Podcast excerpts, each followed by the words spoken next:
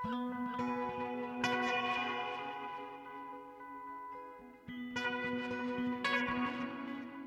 sæl og blessuð. Víðsjá heilsar ágætu hlustendur enn og aftur í töluverðu sólskinni.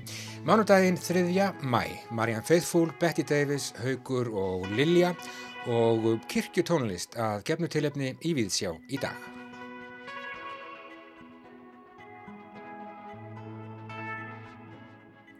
Í Víðsjá í dag ætlum við meðal annars að ræða við Hörð Áskelsson um tónlistarlíf í Hallgrímskirkju En Hörður lætur nú af störfum sem organisti og kantor við kirkuna eftir tæplega 40 ára starf. Fréttaflutningur af starfslókunum og deilum í kringum þau hefur skotið upp kolli í fjölmjölum undanfarnar daga. Við ætlum líka að segja frá splungunir í plötu með ennsku tónlistarkonunni Marianne Faithfull. Platan nefnist She Walks in Beauty. Þar flyttur Faithfull 11 ljóð eftir ennsk romantísk skáld 19. aldar Ljóð sem hafa fyllt henni frá bensku en þessa plötu vann hún með ástrálska tónlistarmannunum Warren Ellis sem þekktastur er fyrir samstarfsitt við Nick Cave. Við segjum frá og heyrum tóndæmi í Víðsjá í dag. Alljóttu Sigursson heldur áfram í tónlistarhóttinu Heyrandi nær að reykja tónlistarlega rætur rafbræðings tónlistar Miles Davis en í Pistlidagsins tekur hann fyrir tónlistarkonuna Betty Davis og skoðar þau mótandi tónlistarlegu áhrif sem að hún hafði á sinn þáverandi Miles Davis. Og Snæbjörn Brynjarsson, leikús, gaggrinandi viðsjár, hann fjallar í dag um leikritið Haugur og Lilja eftir Elisabetu Jökulstóttur sem frumsýnd var í ásmundarsal í síðustu viku í leikstjórn Marju Reyndal. En við byrjum á byllandi romantík. It is a really kind of defiant thing to do to be doing something like this in these times, yeah. you know, and for, it, you've done it. It's all about the text for you. It's all about, isn't yeah. it? It's all about the poems and what they are, and what, what these they mean, what these po poets mean to you. They're kind of, yeah. you know, um, and that's what you really inhabit so beautifully. Oh, um, I love this record.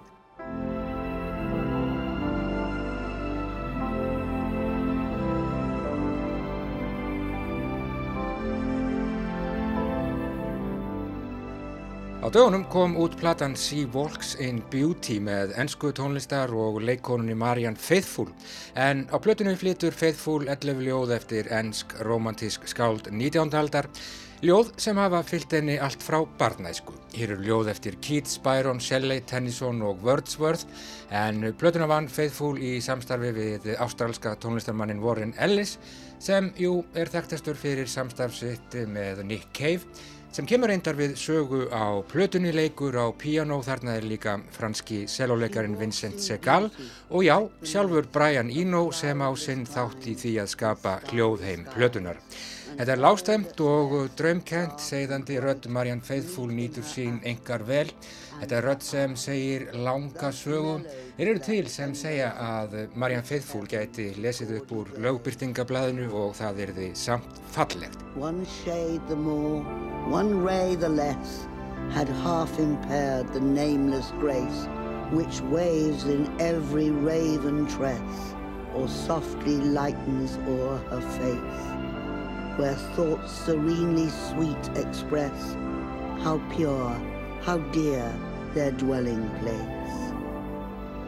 And on that cheek and o'er that brow, so soft, so calm, yet eloquent, the smiles that win, the tints that glow, but tell of days in goodness spent.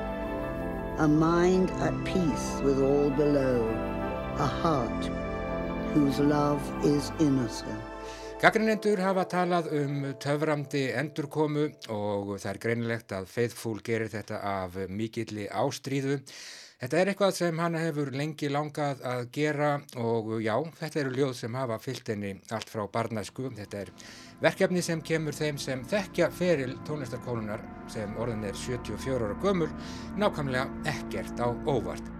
Oh, there is blessing in this gentle breeze, a visitant that while it fans my cheek, doth seem half conscious of the joy it brings from the green fields and from yon azure sky. Á meðal ljóða sem Marianne Faithfull flytur á nýju plötunni má auðvitað nefna titirljóðið She Walks in Beauty og So We'll Go No More a Roving eftir Byron Lávarð, To the Moon eftir Shelley, To Autumn og Ode to a Nightingale eftir John Keats og fyrsta bók The Prelude eftir William Wordsworth kemur þarna líka við sögu Oh there is blessing in this gentle breeze og svo framvís.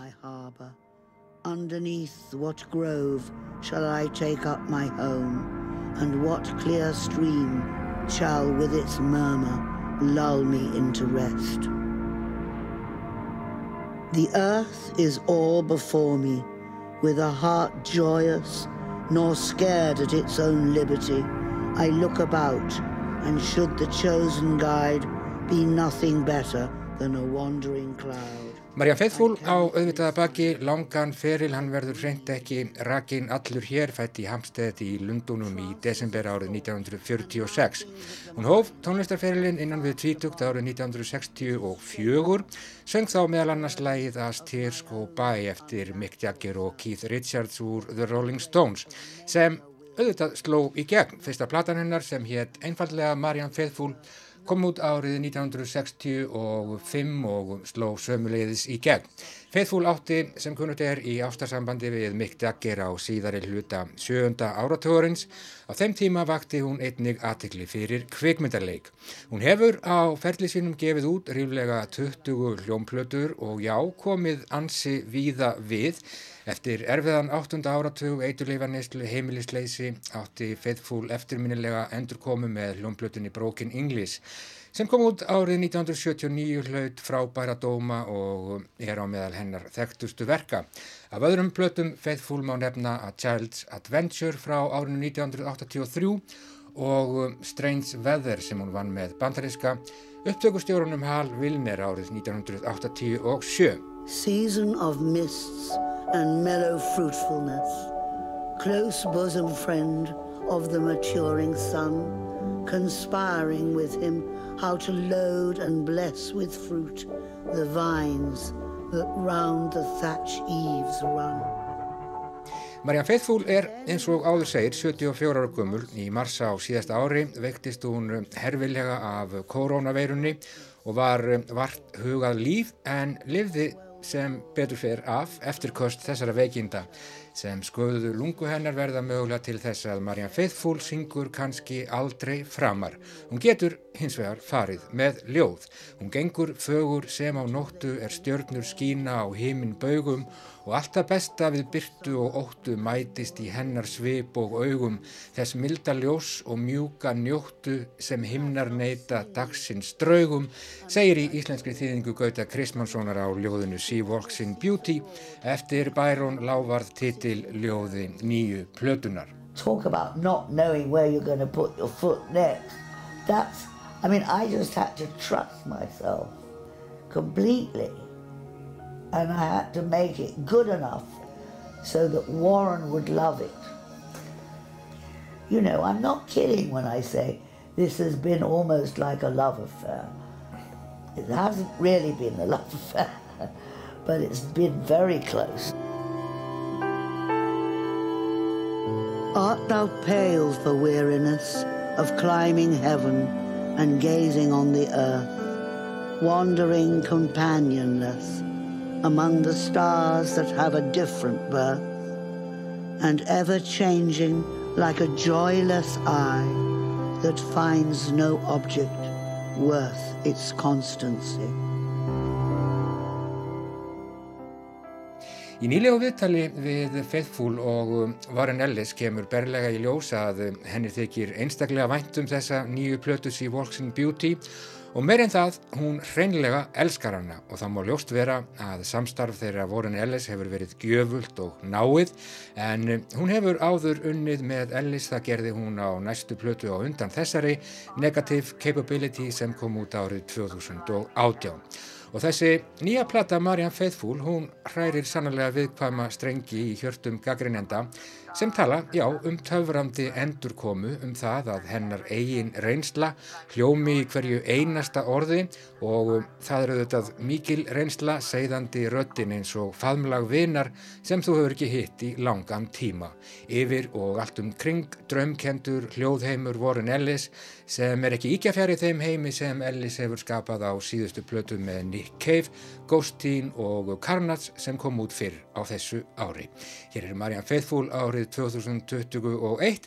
Gaggrinendur segja fullum fetum að Marianne Faithfull hafi alltaf gengið í fegurð. Well, I love you, Marianne. What? I love I know you, you do, and I love you. Yes. Ah, I'm But- getting all emotional.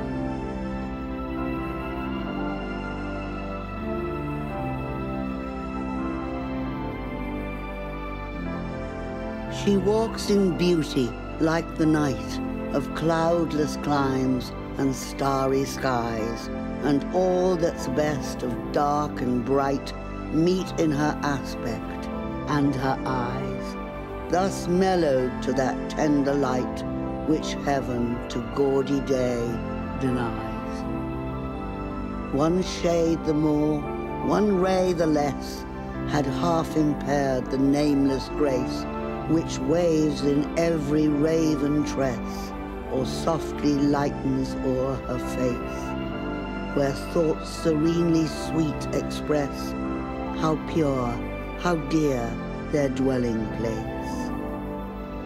And on that cheek and o'er that brow, so soft, so calm, yet eloquent, the smiles that win, the tints that glow, but tell of days in goodness spent.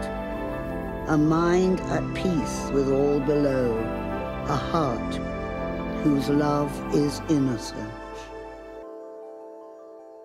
Já, Marianne Faithfull árgerð 2021 og mótstæðileg rödd með langa sögu sí Walks in Beauty eftir Byron Lávarð, titil lag eða öllu heldur titil ljóð nýrar plötu þar sem Faithfull flytur 11 ljóð eftir ennsk romantísk skáld 19. aldar platan unin í samfunnu við ástrálska tónlistamannin Warren Ellis. Og já, mikil reynsla í hverju einasta orði hjá Faithfull gaggrinendur sammála um það. En þá förum við í leikhús í listasafni. Leikritið Haugur og Lilja eftir Elisabethu Jökulsdóttur var frumsýnd í Ásmundarsal í síðustu viku eins og framkom hjá okkur hér í Víðsjá nú á dögunum. Það er Marja Reyndal sem leikstýrir. Snæbjörn Brynjarsson leiklistar gaggrinandi Víðsjár, hann er búinn að sjá.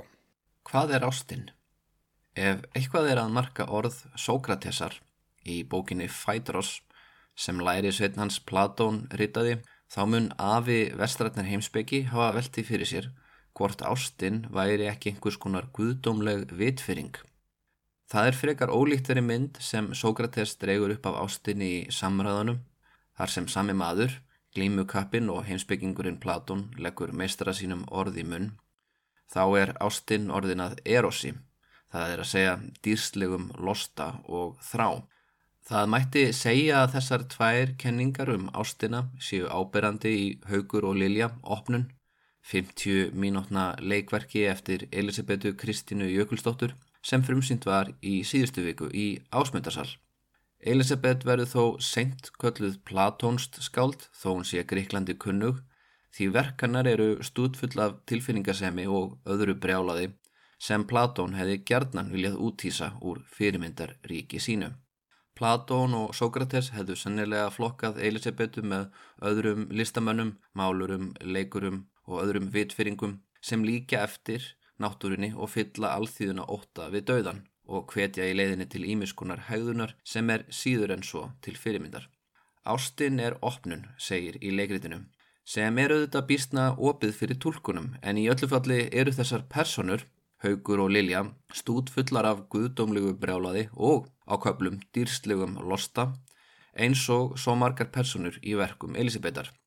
Og þó bæði Haugur og Lilja hafi sínar evasendir um ástina þá virðast þau leitað staðfestingu á tilvistinni í gegnum ást sína á hvort öðru og auðvitað ást annara á sér. Marja Reyndal leggstýrir þeim Eddu Björgu Ejjólfsdóttur og Sveini Ólafi Gunnarsinni en staðsetting leggsýningarinnar er eins og áður sagði Freyjugata 41 betur þekkt sem ásmundasalur. Þetta funkíshús var áallt ætlaðundi menningastarf þó svo leikhús hafi sennilega ekki verið Sigurði Guðmundsinni arkitekt ofalega í huga þegar hann hannaði það til að hýsa vinnustofu ásmundar Sveinssonar og Gunnfríðar Jónsdóttur. Það er nú ekki meiningin að rekja sögu þessa hús sem í dag hýsir galleri og kaffihús. Það var ekkert að tellja upp einhverjar sögufrægar síningar, nefna prentsmiðjur og myndlistaskóla sem voru þar en látum duga að segja að rýmin voru hönnuð til að hleypa inn byrtu og magnana upp. Með öðrum orðum þá er salurinn á efri hæðinni, þar sem leikurum hefur fram, ekki hefðbundið svartmálað svið, heldur bógalagað hvít rými með stóra glugga sem hleypa inn byrtu. Æðislegt rými til að virða fyrir sér málverk en með ýmsar áskoranir þegar kemur að leiksýningum. Þess vegna byrjuðu þessa ríni á að ræða ljósið Vanalega er ljósahönnun nefnd í framhjálöpi þegar búið er að gefa leikurum engunir innan gesalappa og rekja söguþráð leikritsins að þess að gefa of mikið uppi. En í þessu tilviki er óhægt að byrja á öfum enda því fjólubláu, gulu, grænu og bláu geislatnir sem varpast upp á kvítaveggina í salnum eru þriðja stjarnaverksins og það verður að gefa Ólafi Ágústi Stefánsinni hrós fyrir vel unna vinnu. Sí breytileg lýsingin læðist ekki fram hjá, heldur æpir, en þetta er líka verk með djúpum lagðum og stórum tilfinningarseflum sem kalla á öfgafull litbriði. Leikmynd Marju T.H. Óláfsdóttur er einföld. Það eru stöpplar á gólfinu, rammar á veggjónum, allt eitthvað sem það myndi búast við að sjá við opnun myndlistasýningar. Og í römmunum eru tilvittnanir í sjálft leikverkið sem á margar safaríka línur. Það er spurning hvort með því sé verið að reyða sig um of á texta skáldsins, hvort rammarnir hefðu verið betri tómir, en það var í það minsta ókostur að í sumum prentverkana voru sumu línur enduteknar. Þá hefði jafnvel verið sniðugt að leita út fyrir þetta höfundaverk og ræna eppil einhverju úr öðrum verkum Elisabethar, einhverjum ljóðabókum, bara svona til að ruggla okkur áhörundur aðeins í rýmunum. En þessi einfalda leikmynd leinir þó á sér, ég kýmdi öllítið þegar ég sá hundin á leiðinu út og þetta verki í þessum sal kallar mjög svo á nálgun Marju. Búningar hennar eru líka sniðuglaust og leifa lýsingu og leikurum að njóta sín. Þegar áhrendur kom upp tröppurnar og inn í látlausa leikmyndina í björtum salnum tóku á móti þeim dillandi jazzkendir, kontrabassatónar og trömmutaktur sem mynduðu menningalegt skulum við segja andrumslótt. Tilfinningin var svo sannlega nær því að vera við opnun í myndlistasal en á hátíðlegri leiksýningu þó hátíðleikin væri til staðar. Til að byrja með stendur Lilja, leikin af Ettu Björgu, ein í kvítum kjólsinum þar til haugur, tólkaður af Sveini Ólafi, riðist, móður og másandi inn, flýti sér í skó og fæ sér í glas. Hann er að koma heim en þau eiga að vera mætt. Etta Björg og Svein eru gott sviðspar, þau passa vel saman og í þessi hlutverk sem tveir dramafíklar háðir því að kvelja hvor annan í vonum að staðfesta einhvern veginn að ástinn sé enn til staðar. Haugur vill að þau fari út, mæti vissluna sem þeim var búið í, hundra manna hátíð sem sýstir hans heldur álega, en Lilja er kvíðin og óakveðin. Hún er óviss um í hvaða kjólun eigi að fara og fær aldrei þá staðfestingu frá haugi sem hún verðist þrá. Það er þó meira í húfi og á endanum er ekki víst hvort haugur raunverulega þráir að komast út úr húsi. Hans karakter er dularfyllri en Lilju en það hittir hann ekki sálfræðing eins og hún, dæmi gerður kallmaður sem finnst ekkert vandamál nógu stort til að leita sér hjálpar.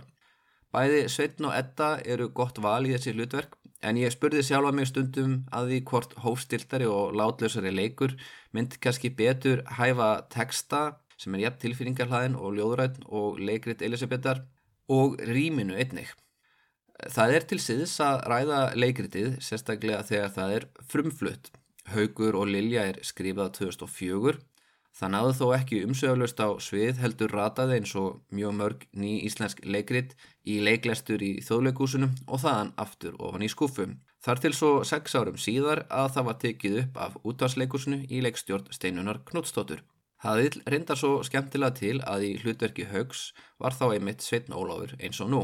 Síðan liðu 11 ár og sennilega passar Sveitn Ólafur betur í hlutverk Haugs nú en þá en það er sjálfgæft að leikverk ætluð sviði fá að snú aftur úr dýflissu útvarps og leiklestra. Sem betur fer verðist leiklistarheimurinn á Íslandi hafa endur uppgötað Elisabetu eftir fórsetaframbúðanar í það minnst að hafa sjálfstæðir leikhópar verið duglegir að setja upp verkanar. En maður spyrsi hvort það sé ekki komin tími á að annað stopnuna leikúsuna, hvort það verður borgarleikúsið eða þjóðleikúsið, ger ekki einu af okkar mikilvægastu leikskaldum aðeins betri skil á skipulagan hátt. Því svo ég vitni aftur í þá félaga Sókrates og Platón, sálinn er eins og vagn dregin áfram á tveimur hestum, annar trilltur gæðingur og hinn stiltur gældingur, en að mínum að þeir eru fáir pennar sem gera söiblunum á milli þessara tveggja hesta sem búa innan í okkur öllum, jafngóð skíl og Elisabeth. Allt frá stjórnum í augum, hita í brjósti, fyrring í maga, báli í mjöðmum, ströymi í kinnfærin og skjálta í nýjan, yfir í einn óbærilega útlæga leiða sem við höfum bannað í samfélaginu en þurfum stundum sárlega á að halda. Leikritið fangar ágætlega þessar apollónísku og dionýsísku hliðar mannsandans sem gríkinni þekktu til en er kannski full stutt og því skiljalegt að leikarar og leikstöri reyna að fá sem mestan tilfinningaofsa úr sem fæstum línum. Þið ættu samt öll að kaupa miða og skellikur, fá okkur kaffi eða kvítinsglas og njóta byrtunar í einu fallegasta fungíshúsi Íslands sagði Snæbjörn Brynjarsson um leikritið Haugur og Lilja eftir Elisabetu Jökulsdóttur sem að frumsýnt var í ásmundarsali í síðustu viku í leikstjórn Maríu Reyndal. En þá skulum við skell okkur í tónlistarferðarlag með Arljóti Sigursinni í tónlistarhorninu Heyrandi nær hér í Víðsjá á mánudegi. Arljótur með hugan í dag við merka konu og já, við förum vestur um haf. Í síðustu pislum hernendir nær var rækin innblásturstráður Plutunar On The Corner með Miles Davis, slægjandi familji Stone, Stockhausen og James Brown koma meðalans við sögu sem er aðeins hálfsögð enn því það vantaði púsli í heildarmyndina en til að draga betri heildarmynd þurfum við að líta aðeins lengra aftur í tíman, nánar tiltikið ársins 1964.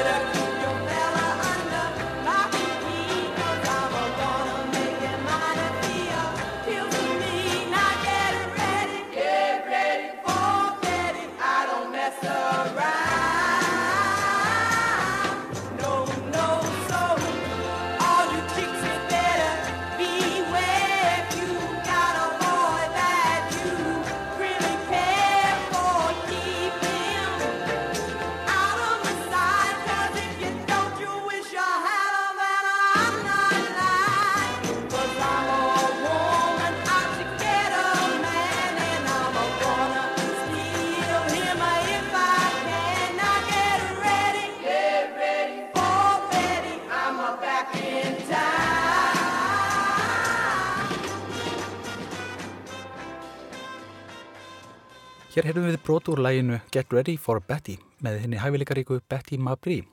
Hún var þá að stíga sín fyrstu skref í tónlistabransanum rétt um tvítugt í New York. Hún var músikölsk út í fingurgóma og var eðlislegt frá unga aldri að semja eigin lög. Betty hafði hlotið Blues Marinerað uppeldi af hálfu ömmu sinnar í norður Karolínu fylki áður hann hún flutti til stóra eplisins 16 ára gömul til að stunda nám í Fashion Institute of Technology. Hún fann sína félagsmiðstöð í litriku mannlífi menningar ringiðunar í Greenwich Village og var með sinn greiðarstað á klúpnokkrum sem hétti The Cellar. Þarna innan um skapandi ungar listaspýrur fór hún að sjá möguleika á því að músíkudraumar hennar getur orðið að veruleika. Módelstarfið vissi hún að veri tímabundið starf og hverfull tískuheimurinn svo hún innbytti sér sífælt meir að megin ástriðu sinni tónlist.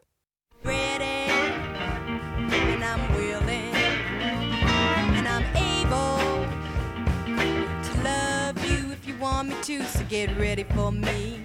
Cause I'm ready. for you.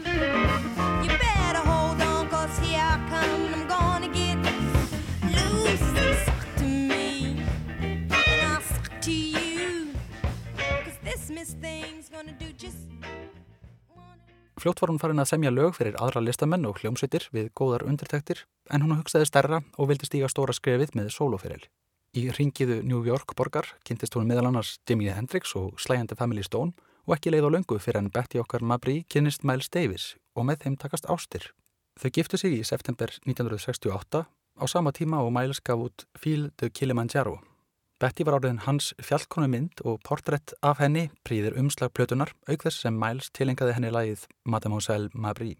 Þar kemur fyrir útsetning Jill Evans, afbökun eða öllu heldur tilvittnun í gítarriff Jimi Hendrix úr læginu Wind Cries Mary. Heyrum snögt brot af Mademoiselle Mabry af fjallkonuplötu Miles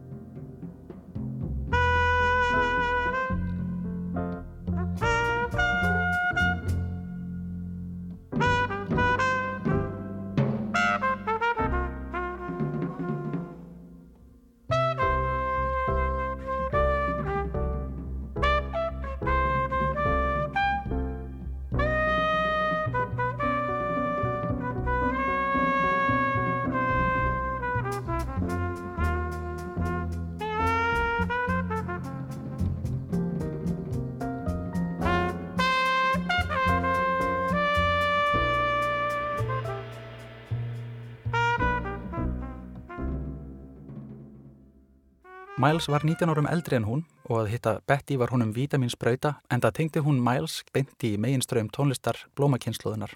Hún kynnti Miles meðal annars fyrir góðvinni sínum Jimi Hendrix og tókst með vinskapur þeirra á milli. Áallanir voru um samstarf sem aldrei varða af vegna ótímabærs fráfalls Hendrix. Þó varð af samstarfið þeirra nýbökuðu hjóna.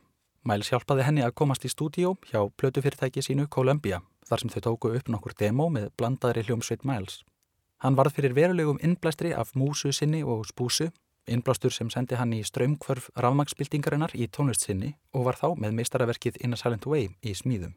Á þessum upptökum Bettyar spila meðal annars Herbie Hancock, John McLaughlin, Wayne Shorter og einhverjir sem nefndir, en á trommur var Mitch Mitchell úr Jimi Hendrix Experience. Heyrum nú lag Bettyar Davis, Down Home Gal, þar sem hún syngur meðal annars um blues uppeldi sitt á æskuheimilinu. I was born in a little shack down in Mississippi. I was raised on a lot of soul. When I hear James Brown,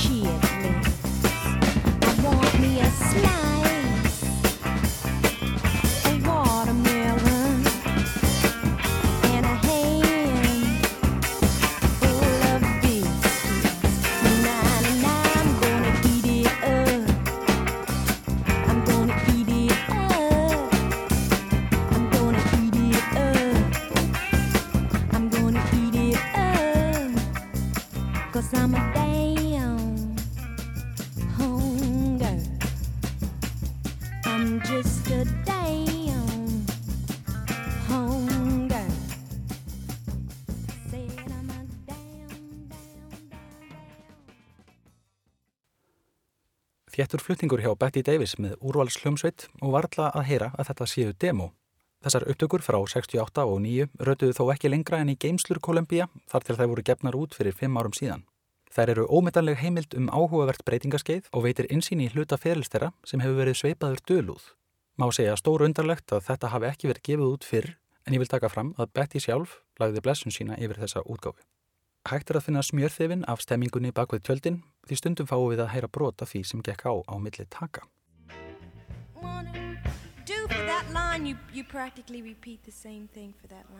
wanna It's just like a repeat of, well, get ready for me, cause I'm ready for you. You better hold on, cause here I come. Sock to me, you know? Okay, okay.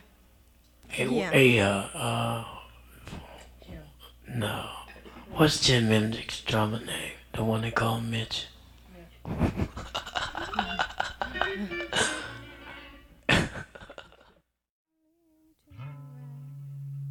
Sing it just like that with the gum in your mouth and all, bitch. I know. If you can overdub that. Overdub it, I've overdubbed it. Hæfileikar Miles voru meiri á tónlistarsviðinu en í tilhugalífinu og erfið skaphöfn trompetleikarans gerði út um hjónaband þeirra Betty. Ótröð held hún áfram sínu striki og rís upp skömmu setna fullmótuð og búin að tálka til sinn eigin stíl sem var augrandi og kinki. Tekstarnir djarfir og neykslandi, opinskáir um beðmálinn í borginni. Allt sungið með tjáningar ríkri röttu, sviðsframkoman eggjandi og löðraði í kynþokka. Hún sneri kynjalhutverkunum á kvolf og tók alla stjórn þegar hún hófurist sína og fór það misvel í fólk. Þetta þótti mörgum oflangt gengið og erfitt var uppdráttar en það var henni oft neitað um að koma fram. Þá sérstaklega í sjónvarpi þar sem topparnir heldu að hún myndi særa bliðun áhörunda. Eftir þrjár sólaplötur gafst hún upp á þessum starfa og dró sér í hlið frá hörðum tónlistarbransanum og hefur lifað í kyrþei síðan fjarrri sviðsljósunu. En að lokum skulum við heyra lag af fyrstu sólaplötu hennar sem heitir einfallega Betty Davis en lagið Game is my middle name. Heyrandi nær, þakkar hlust, góðar stundir.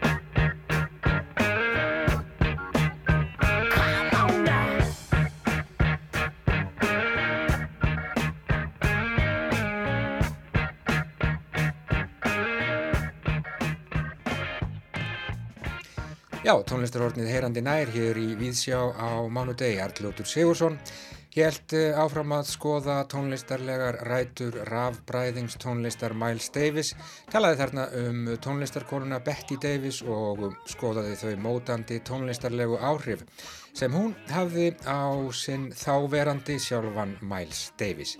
Við heyrum aftur í Arljóti hér í Víðsjá að veiku liðni. En áfram ætlum við að huga að tónlist og tónlistarflutningi hér í Víðsjá á mánudegi. Reyndar allt allt annars konar tónlist.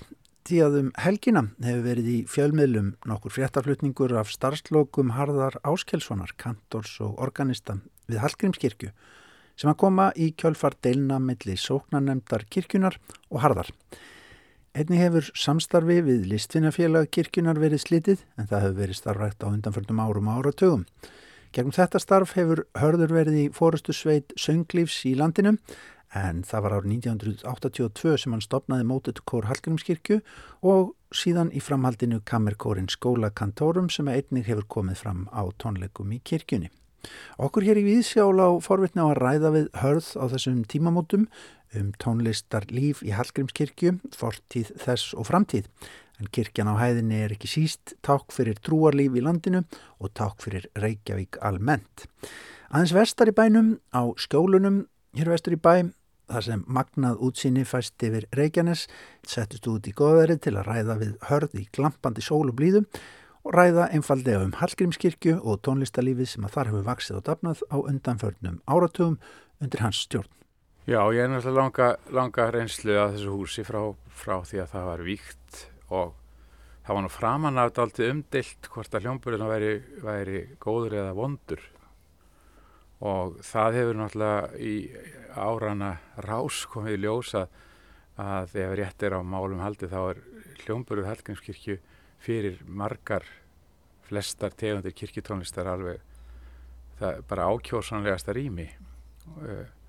Þannig að þar hefur verið vettvangur fyrir, fyrir þetta listalíf sem við hefum fengið að, að stýra þarna við þennan, þennan mikla þjóðar helgidóm og, og menn eru samhála um það að, að þetta sé frábært hús og, og að líka okkur að tekist að, að hérna sanna það með flutningi mjög ólíkra verkar og ólíkum tímabilum og náttúrulega mjög mikið orgel tónleikahald þar sem, að, þar sem við, við hefum fengið hér gesti viðsvegar aður í heiminum sem allir róma þessar aðstæði sem eru í Hallgrímskirkju mm. og ekki bara akustíkina og orgelið sem að menn hérna er margir telja já, með, með bestu orgelum sem að, sem að menn fá að spila á heldur líka svo umgjörð sem að listunum fyrir Hallgrímskirkju hefur sett utanum tónleikana sem er, er, er bara líka sínileg að, að það er fyrir hverja tónleika sem hafa verið þá gerum við alltaf mikið úr því að hafa fallegt í kringum okkur og hafa blóm og hafa kerti og, og, og annað sem að, sem að gestaorganistar okkar hafa tjáð sér mikið um það er hvað skiplaði hefur verið gott og hvað þeir hafa verið fundið sér velkomna á þessum stað og allir vilja koma aftur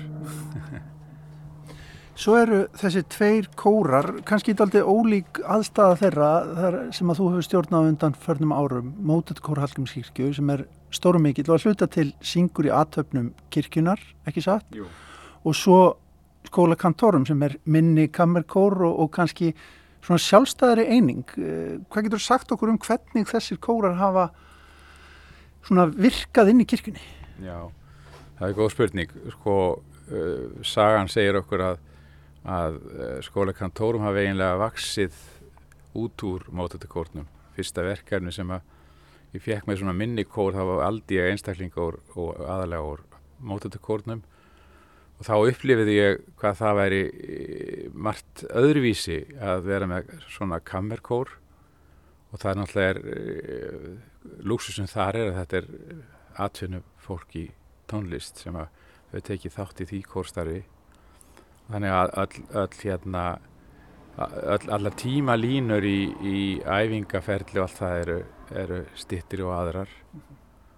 Og, og jú, það er svolítið annað val tónlist þar við veljum meira stóru verkin fyrir stóra kórin sem að telur 50 til 60 manns mótatakórin og hendar vel fyrir oratóriuflutning sem við höfum verið alltaf duglega að sinna. Uh, og skólakantórum hefur meira verið að sinna uh, nýri tónlist í blandrendar við líka renesans sem við gerðum meira á fyrri, fyrri árum. En báðir kóratnir hafa svona sína styrkleika og, og verkefna valið miðar svolítið við það. En, en það er í báðum hópum er, sko, hefur alltaf verið mikil metnaður að, að bara að gera góða tónlist og, og flytja, flytja þessi verk sem við valið, valið okkur til flutnings eins vel eins og við getum Sko hvað verður um kórastarf í Hallgrímskirkju núna? Er þetta svara því á þessari stundu eftir, eftir þess, þennan starfslokasamning sem að þú hefur skrifað undir núna um, bara fyrir helgi? Nei, það er ekkert að segja um það annað en að, að ég þarf að verða að klára verkefni sem sem ég hef, hef, sko samning, gert samningun og, og við verðum að finna okkur bara góðan æfingar aðstöðu og uh, ég veit ekki almennilega hvað sko fóristan í Hallgrímskirkju er að hugsa um þá framtíð því að það hefur ekki verið sko því miður nægilega samtal á milli aðila. Og, og hérna þannig að það er bara núna stóra spurningin, það getur vel verið að, að það gerist eitthvað alveg nýtt og öðruvísi. Við erum ég, ég hef búin að vera þarna í tæp 40 ár og hafði nú vonast þess að geta fengið að klára þau 40 ára svona ákveðin metnaður því og hafði svolítið hugsað mér að, að vera með e, velja nokkur af þeim verkum sem að hafa kannski staðið einhvern veginn upp úr að mínu áliti til endurflutnings núna. Auk þess sem við erum með, með frumflutning á, á oratóriu og þannig að ég bara get ekki svara því og það væri spennand að vita hvað hvað fóristan í Hallgrímskirkju er að hugsa sér með kirkjuna þegar að listinafélagi sem hefur verið svona hjartað eða lungun kannski frekar í þessari starfsemi þar sem að við fengið í gegnum, gegnum félagana sem þar eru og, og, og gegnum sjóði sem bjóða upp á styrki getað fjármagnað ímislegt sem við hefum ekki getað án félagsins og þetta verið svona, já, bakhjarl og fyrir hérna starfseminna. Þegar það er farið og þegar báðir kórarnir sem hafa verið í miðpunkt í flestra e, tónlistaviðburða utan, utan bara orgel einleiks að e, það er forveitnilegt að, að, að hérna, hugsa um það að það er hlýtur að vera einhver, eitthvað sem, að, sem þau hafa hugsað sér en ekki látið uppi. Því að nú sko horfum maður á þessu kirkja og hún er miklu meira heldur en kirkja sóknarkirkja, hún er eins og segir þjóðarhelgi dómur þú notar það orð og, og, og hún er bara gríðal táklíka fyrir Reykjavík sem bara borg almennt, þetta er hérna þetta er það sem að fólk tekur mynd af þegar það kemur til Reykjavíkuborgar bara allir, skulum bara slá, slá fast. Að hérna og hluti af þeirri ímynd á undanfændum árum hefur verið þetta tónlistastarf og ykkar starf? Já, mér er sagt það. hérna, ég get alveg tekið undir, já, einmitt, sko, maður fer að hugsa það einmitt og þetta er alveg góðu punktur vegna þess að maður er kannski sjálfur pínlítið, já, svona hallur undir þessa hlið starfsins, það er að segja að maður vil komast í góðan flutning á, á mestu andansverkum og það kannski skekkir hugmynd mína sem spyr svona sko kannski. Já. Nei, fyrir mér er náttúrulega sko lífið í kirkjunni það sem gerir hana að því sem hún er. Hún er sjálfsög, hún er tákn og hún er, hún er glæsilega en ekki þótti það nú hérna heldur í gamla daga mikið, það var nú ansi, tók langan tíma að hún tók langan tíma að fá það viðurkenningu. Og, og svo viðurkenning er líka meðan annars allavega komið til vegna þess hvað tónlist hljómar þar vel og hefur verið mikill þáttur í, í starfi kirkjunar. Við hefum verið með núna síðustu mörg ár, hefur listinafélagið skipulagt um 60 tónleika á ári og það er bara vísna mikið. Og þar hefur rekstralega síðan hafa þessir, þessir, þessir alþjóðlega, þetta alþjóðlega orgelsumar.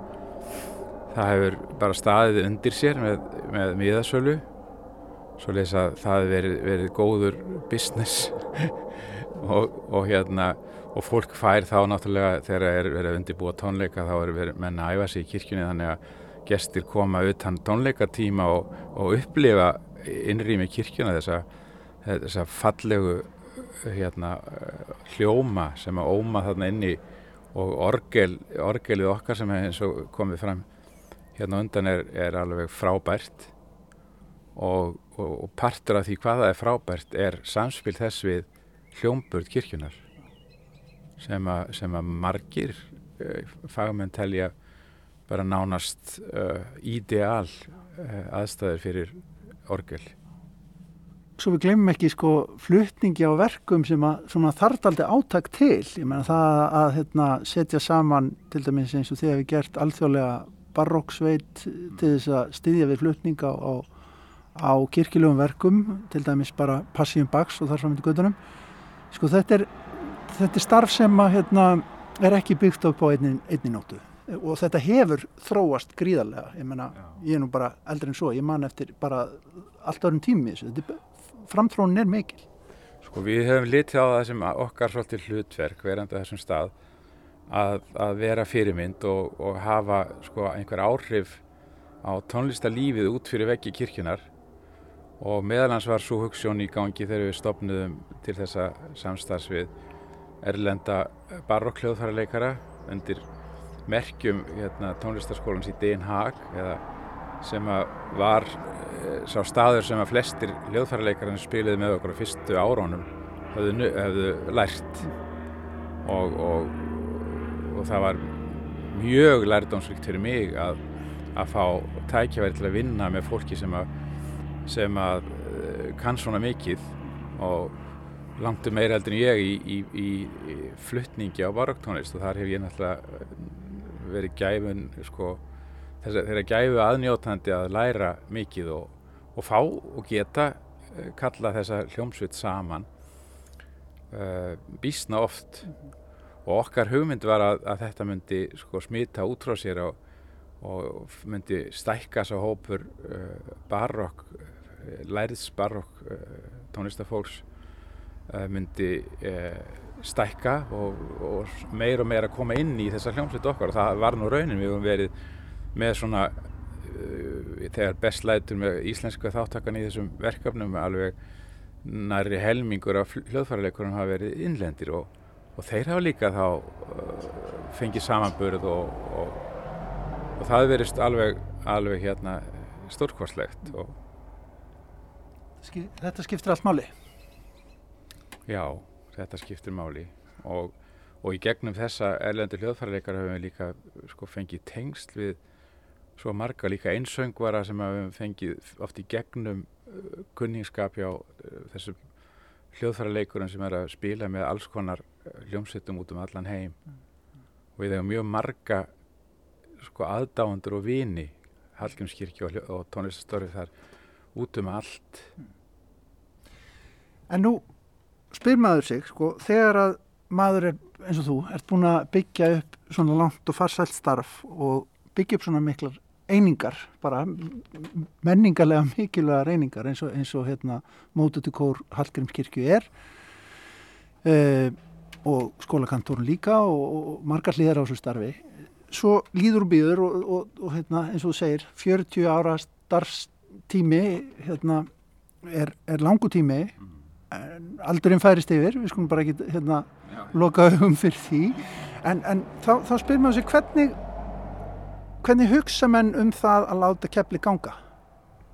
Já, það hefur kannski bara ekki verið nóg hugsað um það, eða ekki nóg mikið tala saman um það til þess að, að finna leið, góða leið. Auðvitað kemur að því að það er að, að afhenda þessa kóra annarkvært leysa þá upp eða afhenda þá öðrum, það er bara ákvörðin sem hefur verið tekinn þegar það að kemur en, en sko akkurat núna þá hlakka ég bara til að fá að hafa heilsu og geta haldið áfram með þessum kórum sem eru þessi frábæru hljóðfæri og við erum þegar búin að bóka tónleika í Hörpu í 2008. november svo ég auðvist það hér og, og fengi gríðarlega góðar viðtökur við þeirri hugmynd að mótötukórin og barokksveitin okkar sem við kendum nú síðast fyrst við Den Haag og síðar við, við Hallgrímskirkju að uh, flytja í, á fyrsta sunniti aðvendu með þessu fólki að gríðrætt tildekunarefni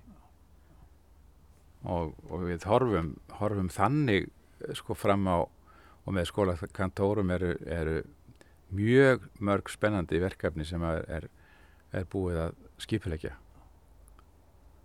En eftir stendur kannski spurningin um hvað, hvað kirkjan hugsi sér þegar það kemur að því hvort það er að viðhalda Hallgrímskirkju áfram sem tónlistarhúsið þarna upp á hæðinu á skólahaldi. Já, það er bara spennandi að heyra, heyra um það þegar hérna ég er ekki þarna til þess að hafa áhrif. Sjáum hvað setjum við það en takk hella fyrir að taka mótið mér hér í góða verinu. Ég er eiginlega alveg að stikna. Það er svo gott veður hérna í, í skjólunum hjá þér. Það er virkilega standundi nafni skjólinn hérna í dag og við horfum hérna á gósmökkin uh, út á Reykjanesi. Aldrei magnað. Takk hella fyrir spjallið, hörður og, og hérna vegnir vel og takk fyrir þín störf í gegnum tíðina. Takk fyrir kærlega. Og svona ætlum við að ljúka viðsjá í dag, viðsjá hér aftur á sínum stað á sínum tíma. Löst eftir klukkan fjögur á morgun, takk fyrir samfélgina í dag, kærlega verið sæl.